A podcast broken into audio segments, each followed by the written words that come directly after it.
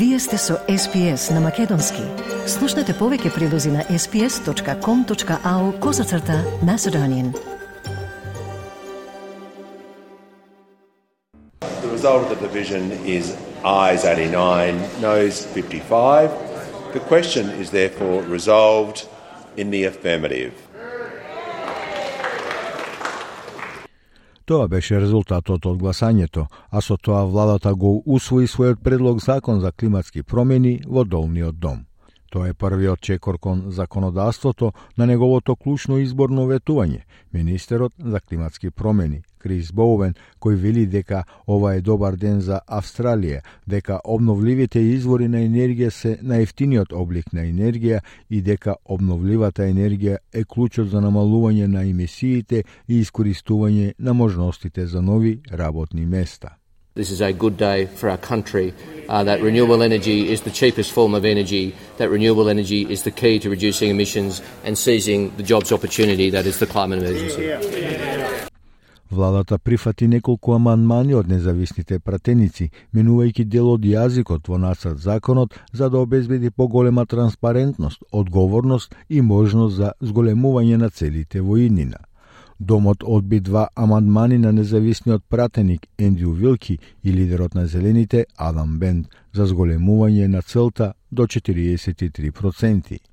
Независната пратеничка од Бурунгух Зали Стегал вели дека парламентот сега се заклучува со цитирам, јасен патокас, затворен цитат, до нула нето емисии и вели дека 43% до 2030 година не е целта што би ја избрал, додавајќи дека можеме да бидеме и поамбициозни од тоа.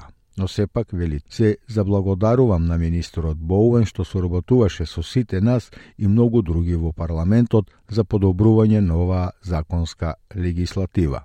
43% by 2030 is not the target I would choose. I think we can be more ambitious than that. But I want to thank Minister Bowen for working collaboratively with all of us and many others in the Parliament to improve this legislation.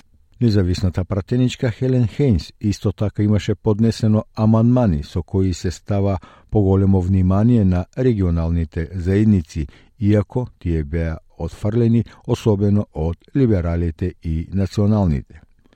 Премиерот Ентони Албанезе ја критикуваше опозицијата за нивниот ваков тврд став, додавајќи дека тие имаат можност кога законодавството ќе дојде до Сенатот да се предомислат и да се доведат во 21. век и да се направат релевантни за дебата. They have an opportunity when the legislation gets to the Senate to change their mind and to bring themselves into the 21st century and make themselves relevant to the debate which Australians who've been impacted by droughts and floods and bushfires know the impact of climate change is real. We need a response which is real. Како што многу многумина очекува, пратеничката од задните редови на тасманиските либерали, Бриджет Арчер, ја подржа владата и независните за да се усвои законот. Коалицијата беше против предлог законот и размислува за алтернативи. Опозицијскиот водач Питер Датон за радиото 2GB изјави дека владиното законодавство ќе има последици. Тој вели дека ќе ја изгубиме индустријата, ќе има топилници и други кои ќе се затворат под оваа влада. Работните места ќе одат надвор, а штетните емисии се уште ќе останат во воздухот. We, we're going to lose industry.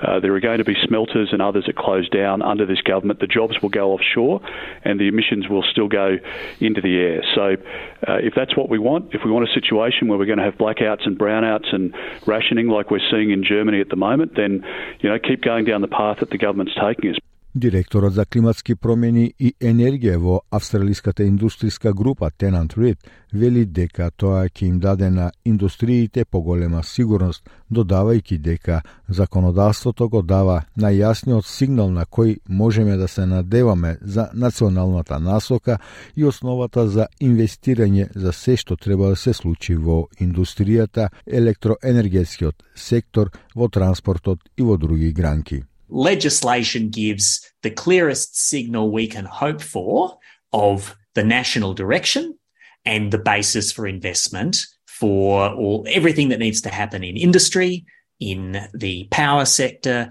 in gas, in transport, and so on.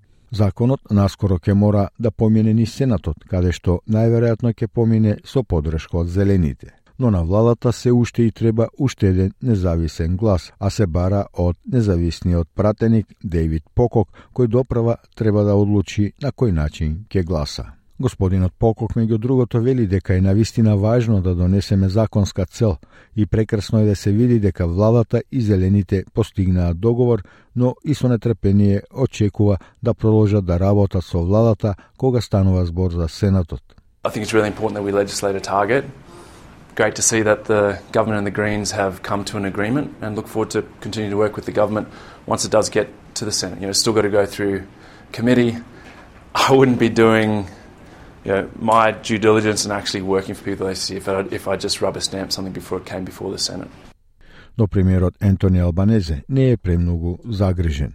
I have uh, always found it best for people to speak on their own behalf and Mr. Pocock is quite capable of speaking on behalf of, his, of, of himself, but he's made it very clear very clear that this legislation should pass. In his own words, and indeed called upon the Greens to vote for this legislation previously. Останува прашањето дали климатската војна е завршена. Зои Даниел вели дека се чувствува оптимист дека сега има некоја почетна точка. Well, let's see. Um, I think to end the war, you've got to win it, and there's still a lot more to do. But it, it's a beginning. Стиснете, ми се допаѓа, споделете, коментирајте. Следете ја SPS на Македонски на Facebook.